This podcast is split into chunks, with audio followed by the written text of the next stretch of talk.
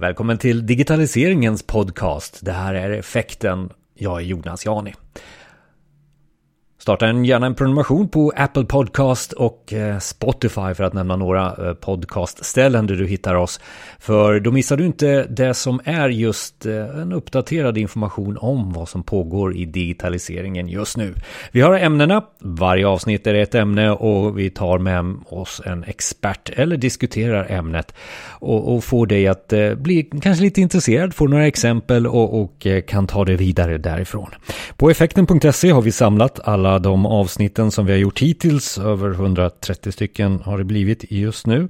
Och vi fortsätter. Och vi vill ha ditt tips om ämnen och eh, experter. Så mejla oss gärna på info effekten.se. Och dagens expert är Adam Palmqvist. Författare, föreläsare, företagsdoktorand och jobbandes på företaget Insert Coin med eh, spelifiering eller gamification som det är på engelska då, det engelska uttrycket. Då det blir ett intressant samtal hur man kan maximera det nya lärandet för att möta upp till den snabba digitaliseringen som vi just nu befinner oss i.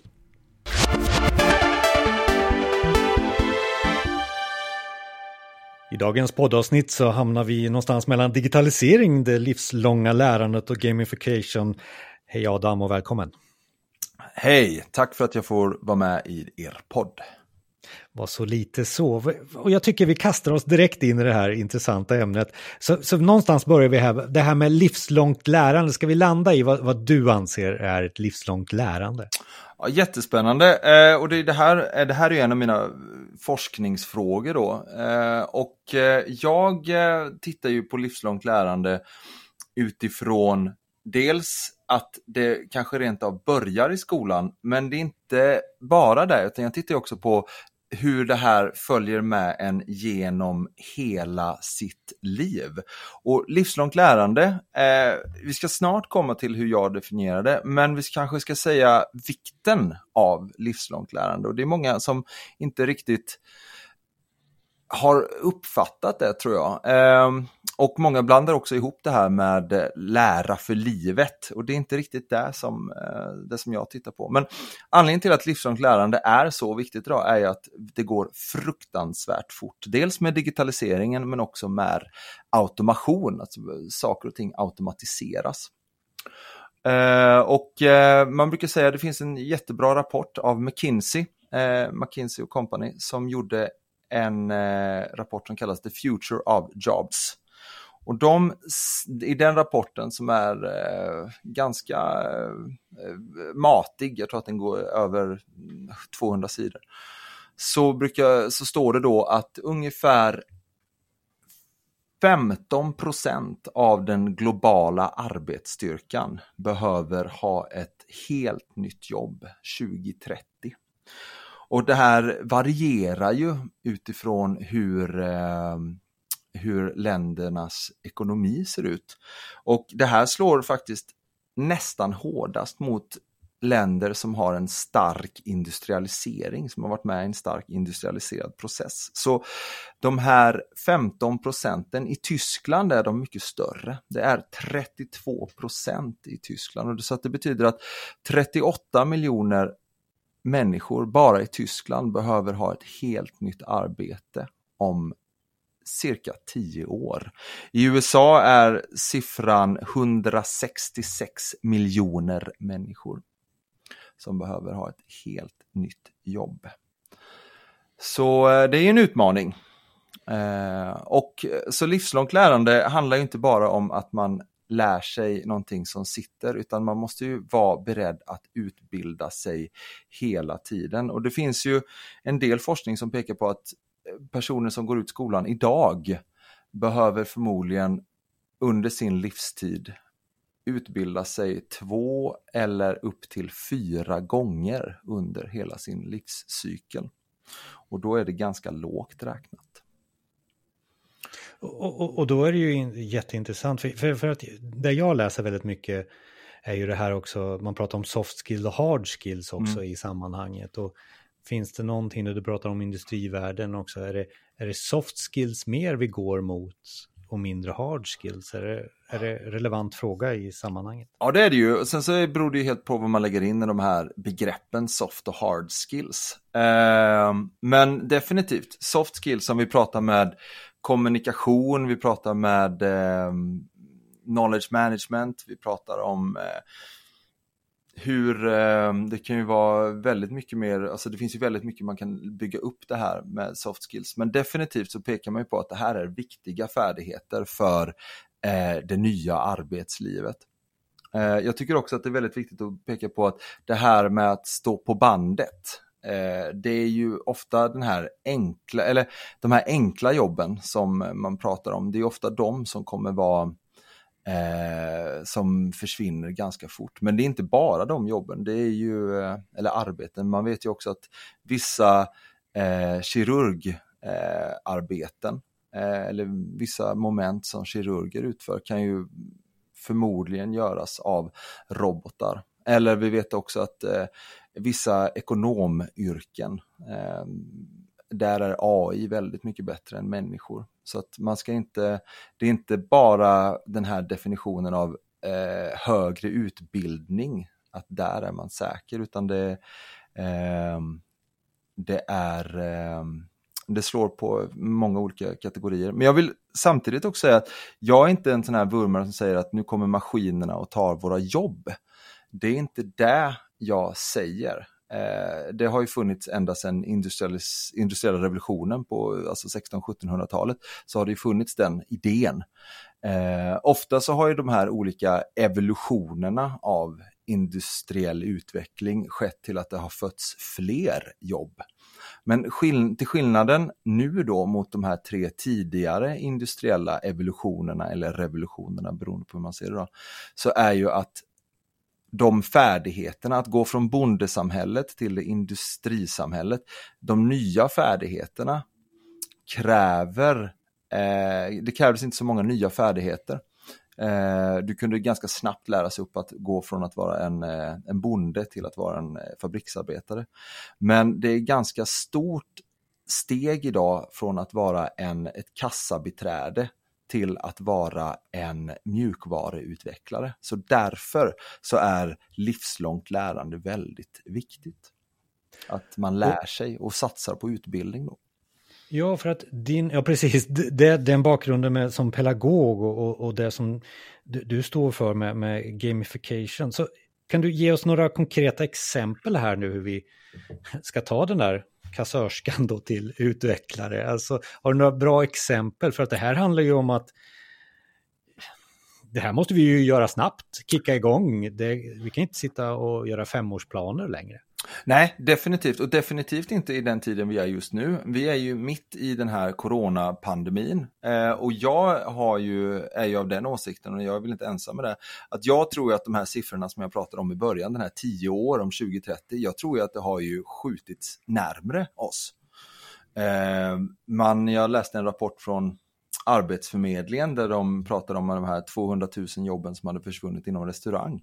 Att de här jobben kommer inte komma tillbaks de här jobben är, så att det här med coronapandemin, covid-19-pandemin har ju då snabbat på den här utvecklingen och också digitaliseringen generellt. Men vad är det som ska göras då? Jo, eh, det finns ju många, det finns ju väldigt, det har ju blivit ett väldigt hett forskningsämne. Man tittar ju på dels att det kanske behövs mer satsningar på en eh, kommunal och statlig nivå. Det måste ges fler eh, utbildningar, eh, tillgängliggöra fler utbildningar i, eh, i samhället.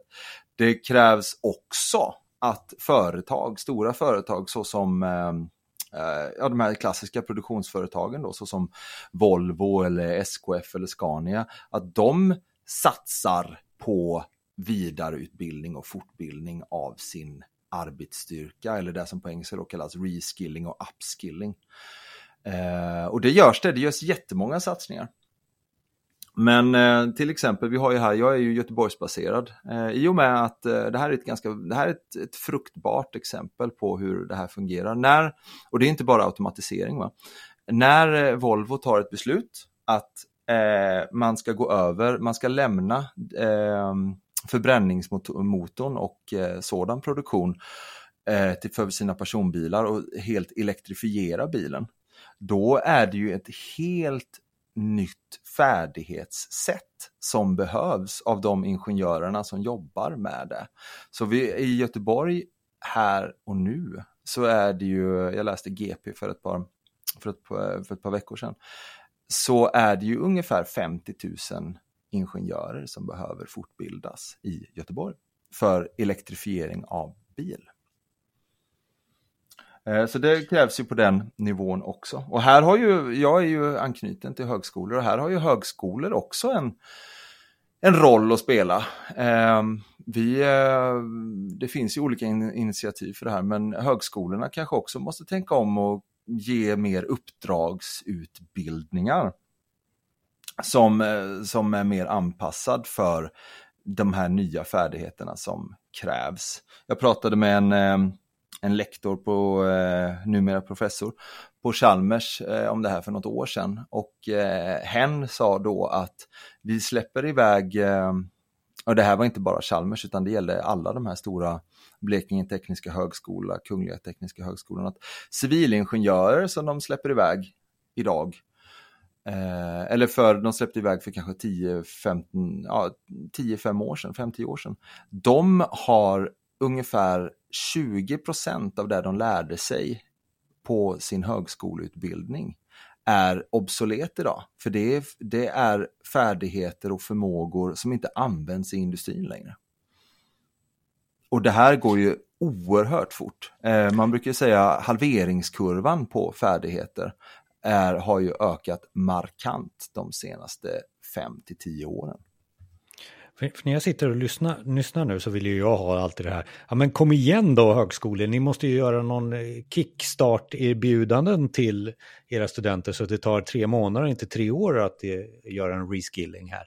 Mm. Finns det sådana exempel än? Eller? Och jag hoppas att du med din forskning också att använda sig av spel, spelifiering kan vara ett exempel på det. Men Ja, mm. Jag vet inte, ska jag sitta lugnt i båten och vänta eller?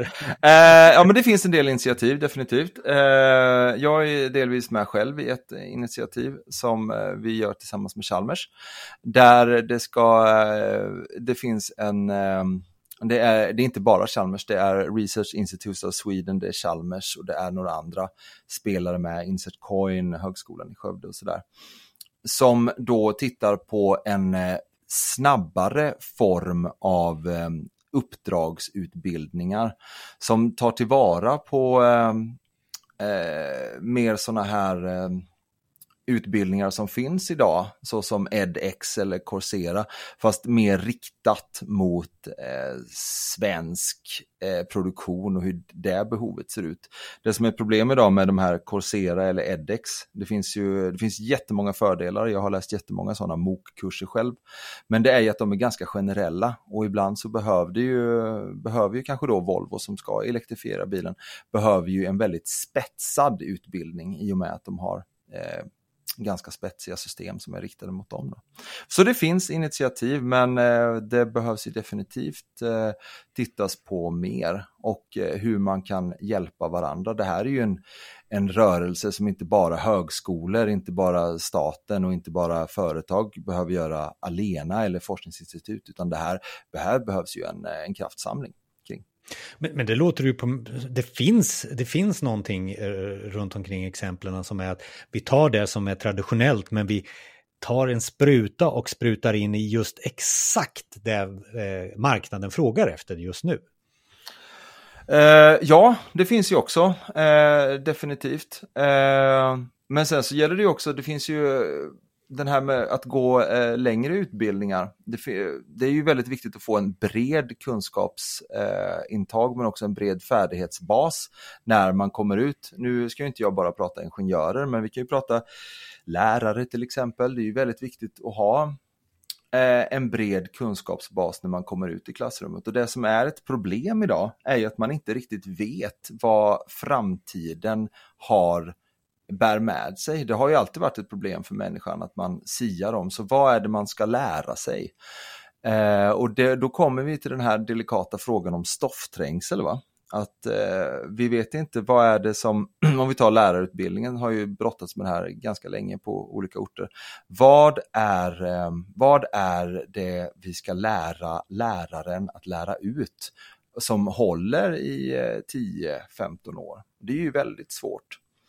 Eh, så därför så tror jag att det här är inte bara någonting som behövs inom svensk produktionsindustri, det här behövs inom flera, flera andra livsviktiga eller samhällsviktiga yrken såsom lärare, sjuksköterskor och eh, säkerhetspersonal såsom brandmän och poliser och sådär. Ja, för det, det här börjar ju, eftersom du, du forskar i området så känns det ju som att forskningen måste ju komma fram till någonting som, som gör att vi kan få svaret på det som du nu sa, hur, hur, lär, hur lär vi ut till lärarna. Eh, så har du, har du så här nu på slutet eftersom du har gjort en, eh, eh, en forskning nyligen här också, kan mm. man säga att det finns någon, något recept på framgång runt omkring? Ja, det beror... Att lösa det här? Mm. Ja, det beror ju på lite på hur man tänker. Eh, det är ju en liten skillnad på, det vill säga den här formella utbildningen då, det vill säga eh, skolutbildningen upp till gymnasiet eller universitetsutbildningen och den här informella utbildningen som kanske sker på i eh, företags företagssammanhang eller det som kallas då training on the job eller learning on the job. Eh, jag har ju tittat väldigt mycket på hur eh, livslångt lärande kan eh, faciliteras, eller det vill säga förstärkas av, av digital teknik. Ehm, och då har jag ju tittat på gamification.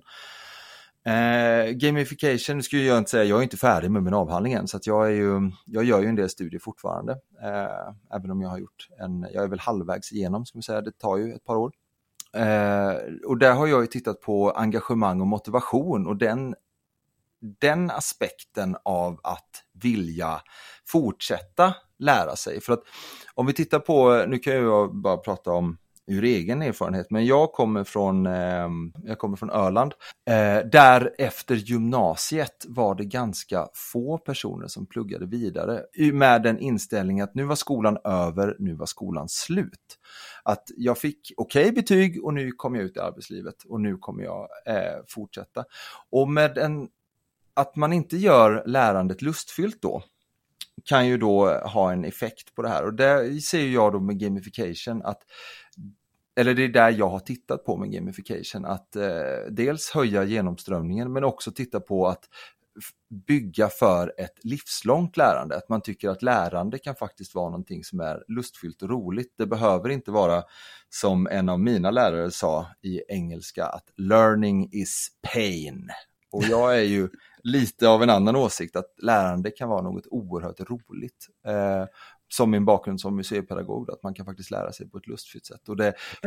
mm. Exempel där då, bara så vi, alla som inte vet gamification, liksom, vad, vad mm. skulle kunna, vad har du gjort för någonting som, som har fått Ja, nej, men i mina studier, och jag har ju jobbat som lärare själv också, använt gamification, men i mina studier har jag ju tittat på hur man kan via spelmekaniker, och det är det som gamification, det är så den här ganska gängse definitionen av gamification är, är att eh, man tittar ju på hur speldynamiker och spelmekaniker kan användas för att skapa motivation och engagemang. Och då kan man ju titta på hur spelen gör och det är ju inte ett spel vi gör utan man lyfter ut det här ur spelen och sätter in det i en lärandekontext då i mitt fall.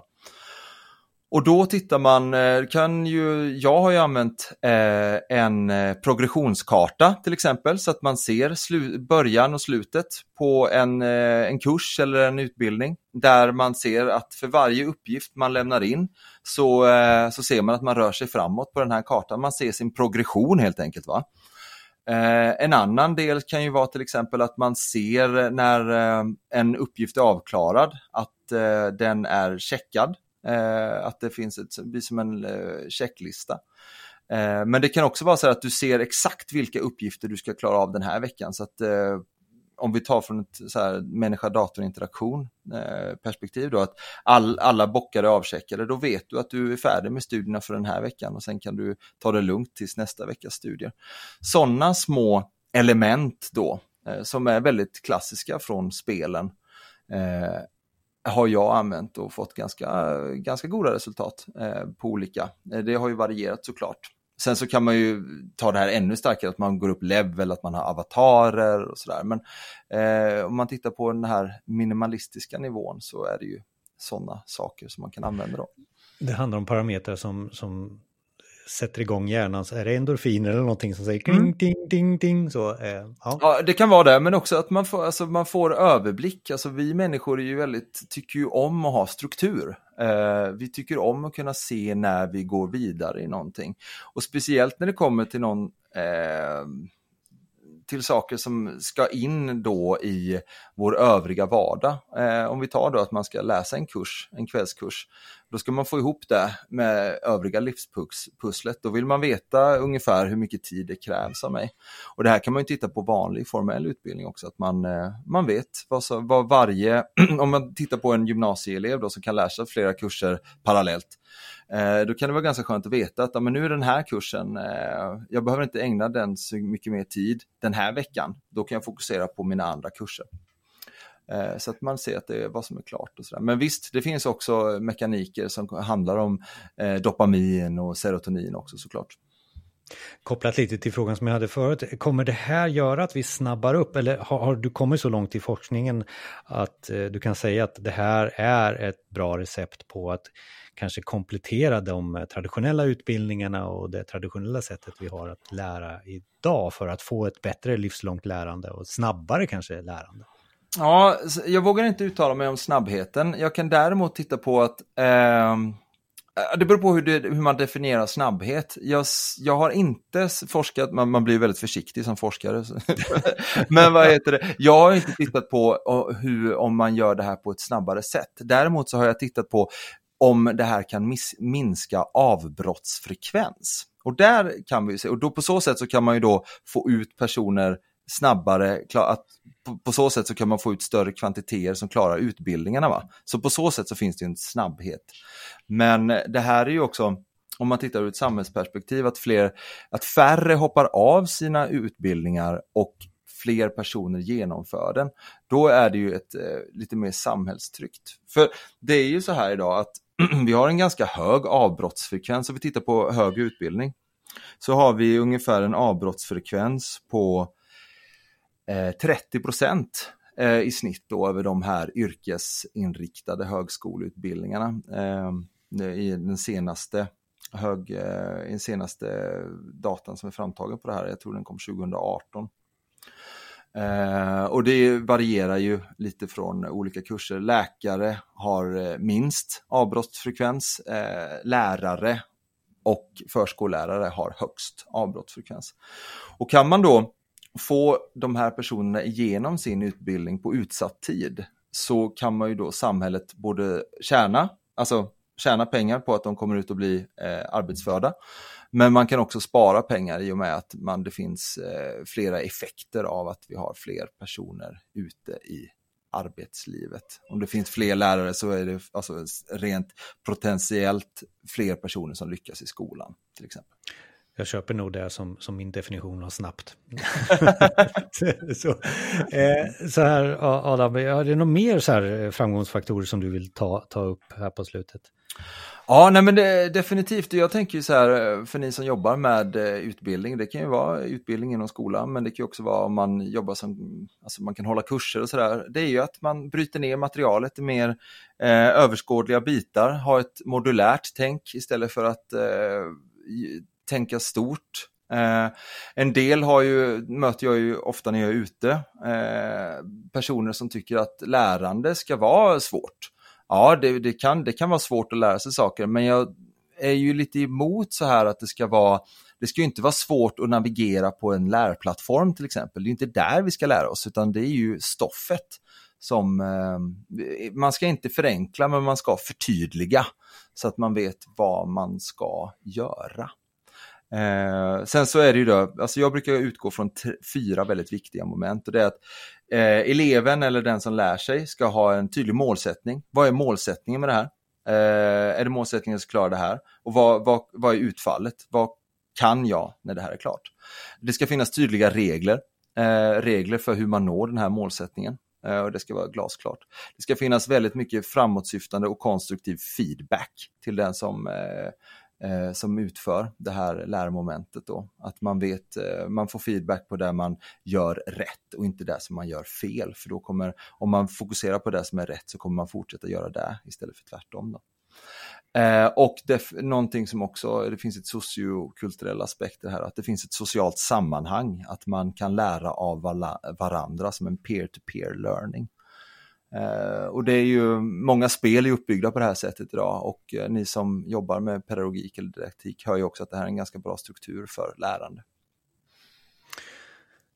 Det finns mycket att eh, pr prata om runt omkring det här och, och, din forskning.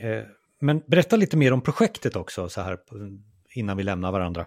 Ja men precis, jag eh, har ju, eh, vi gjorde ju ett, en studie på Göteborgs stad eh, där vi testade eh, att sätta in gamification, ett gamification, ett gamification skin eller ett gamification API i eh, Google Classroom som är, eh, jag tror att det är 70% av alla gymnasieskolor som använder Google Classroom idag. Så då testade vi att sätta in gamification i den här i en matematikkurs på Göteborgs stad. Och där fick vi väldigt eh, spännande effekter när det kommer till dels elevernas eh, motivation, deras engagemang till kurserna, men också eh, deras närvaro på lektionen och sådär. Så det var jättespännande. Så jag, ganska, så jag förde dialog med Online Partner och eh, Insetcoin och frågade om jag skulle kunna få ta en av mina högskolekurser och göra om den så att den var mer eh, lättillgänglig och helt och hållet online och sätta in den och sen använda det här eh, pluginet då, Bossfight som det heter, och göra den dels att man lär, man lär sig om spelifiering men också att man blir spelifierad samtidigt och sen så ger man feedback på det. Och det här föddes då till, eller det här blev ett medborgarforskningsprojekt. Det här är ju ganska vanligt inom eh, miljörörelsen eller andra miljötänk och väldigt stort i USA då, citizen science kallas det.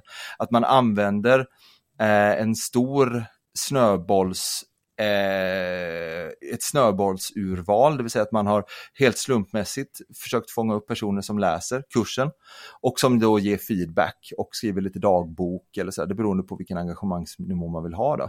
Men och där, då får jag insikter i hur det är att lära sig om gamification och jag då ser, eh, jag kan då se vad, vilka element, spelelement som fungerar eller sådär.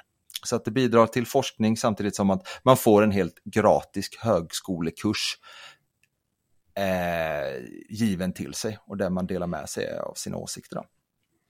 Vi kommer lägga ut länkar och allt till, till allt, både det här projektet och allting vi har pratat om på effekten.se förstås också. Eh, vi har väldigt mycket eh, att ta till oss nu Adam. Jag tror att vi, vi kommer att se gamification framför oss i alla fall nu när vi tittar på det livslånga lärandet. Ja, eh, i alla fall som en del av det hoppas jag. Att eh, det inte ska kännas främmande på något sätt. Tack så mycket för att du var med i podden. Tack så hemskt mycket för att jag fick vara med. Tack.